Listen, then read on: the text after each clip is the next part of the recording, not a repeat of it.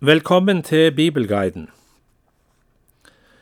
For tida leser vi profeten Jesaja har nå starta på den siste hoveddel av skriftet som kalles for Trøsteboka.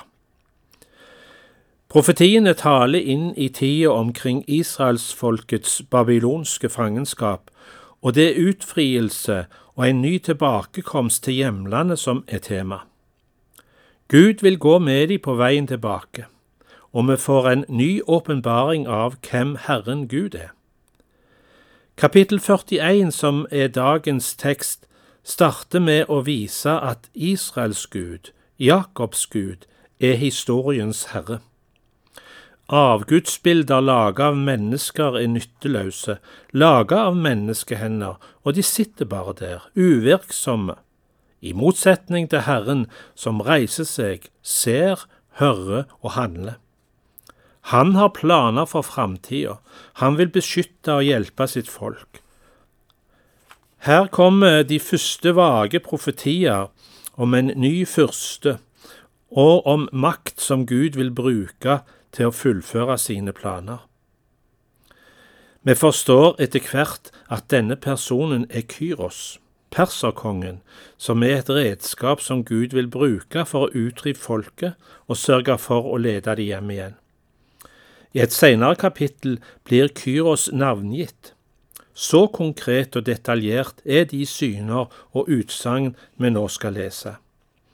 Og igjen, disse profetier om en frelserkonge, sendt av Gud, viser fram mot Guds Messias som skal komme til frelse. Vi finner i disse kapitlene mange sitater som er brukt om Jesus i Det nye testamentet. Gud sier for eksempel gjennom profeten i vers fire, Jeg er den første, og jeg er hos de siste, jeg er Han. Dette er ord som òg er brukt i Johannes' åpenbaring. Vi hører nå først versene 1–7 i Jesaja kapittel 41, der Gud kaller nasjonene inn til en rettssak. Han utfordrer de og spør de hvem som har utført storverk helt fra begynnelsen. Det er i alle fall ikke gudebildene laga av menneskehånd. Vær stille for meg, dere kyster. Folkene skal få ny kraft. La dem komme nær og så tale sin sak. La oss sammen gå fram for retten. Hvem har vakt opp fra øst? Ham som møtes av seier hvor han går. Hvem gir folkeslag over til ham og lar ham undertrykke konger? Hans sverd gjør dem til støv, hans bue gjør dem til halm som blåser bort. Han forfølger dem, går uskadd fram, foten er nesten ikke nær veien. Hvem har utført og gjort dette? Han som fra begynnelsen kalte slektene fram. Jeg, Herren, er den første, og jeg er hos de siste. Jeg er Han. Kystene ser det og frykter. Jordens ender skjelver. De er nær, de kommer. Den ene hjelper den andre. Til hverandre sier de Vær sterk. Treskjæreren styrker gullsmeden, og blikkenslageren styrker smeden ved ambolten. Han sier om loddingen Den er god, og styrker den med nagler så den står fast. I neste avsnitt, i versene 8 til 20, blir det lille Israel, Guds utvalgte folk, trøsta og oppmuntra og de får blikket sitt løfta for å se en strålende og trygg framtid. Her hører vi ord til Guds menighet opp gjennom hele historien, og her har Guds menighet funnet trøst og hjelp i vanskelige tider, under spott og forfølgelse. Nå hører vi versene 8 til 20 i kapittel 41. Men du, Israel, min tjener, Jakob som jeg har utvalgt, ett av Abraham min venn. som jeg grep tak i ved jordens ender og kalte fra dens ytterste grense. Jeg sa til deg, Du er min tjener. Jeg har utvalgt deg og ikke forkastet deg. Frykt ikke, for jeg er med deg. Vær ikke redd, for jeg er din Gud. Jeg gjør deg sterk og hjelper deg og holder deg oppe med min rettferds høyre hånd. Se til skamme og til spott blir alle som er harme på deg. De blir til intet og går til grunne, de som går til rette med deg. Du skal lete, men ikke finne noen som er i strid med deg. Til intet og ingenting blir de som er i krig med deg.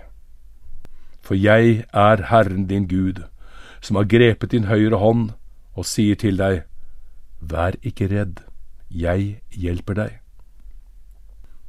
Vær ikke redd, Jakob, du vesle mark, og dere Israels menn.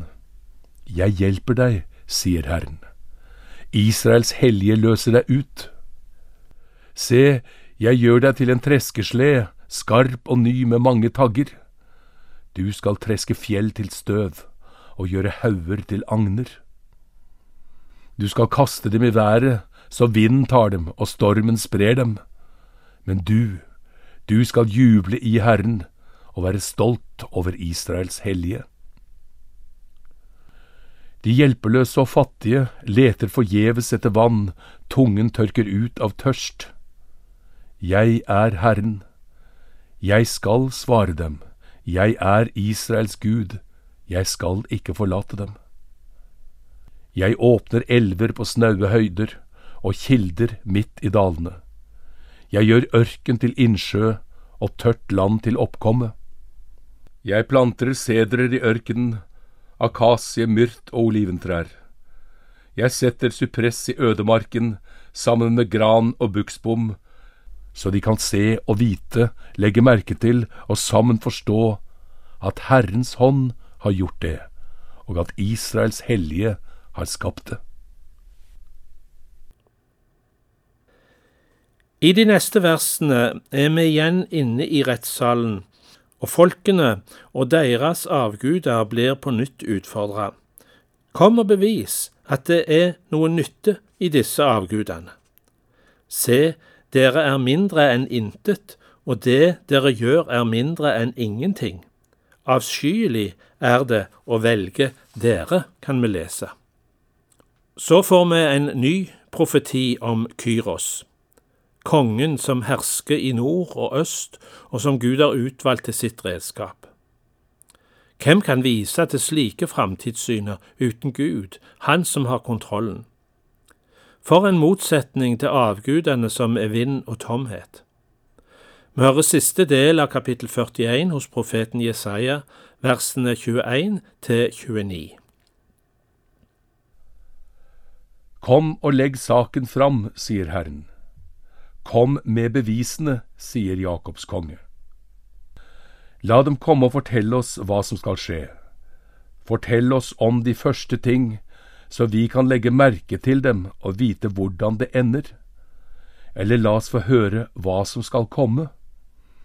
Fortell om fremtidstegnene, så vi kan vite at dere er guder. Gjør bare noe, godt eller ondt, så vi sammen kan se det og bli redde. Se, dere er mindre enn intet, og det dere gjør er mindre enn ingenting.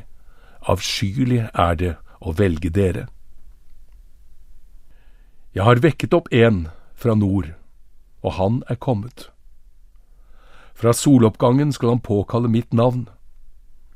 Han tramper stattholdere ned som søle, slik pottemakeren tramper leire. Hvem kunngjorde dette fra begynnelsen, så vi kunne vite det fra gammel tid, så vi kunne si det er rett? Ingen fortalte det. Ingen gjorde det kjent. Ingen har hørt et ord fra dere. Jeg er den første som sier til Sion, se, der er de, og sender gledesbud til Jerusalem. Jeg ser etter, men det finnes ingen, ikke en av dem, som kan gi råd så jeg kunne spørre dem og få svar? Nei, alle er intet, og det de gjør, er ingenting. vind og tomhet er deres støpte bilder. I neste utgave av Bibelguiden blir vi nærmere presentert for Herrens tjener som skal komme. Takk for følget i dag, og velkommen tilbake.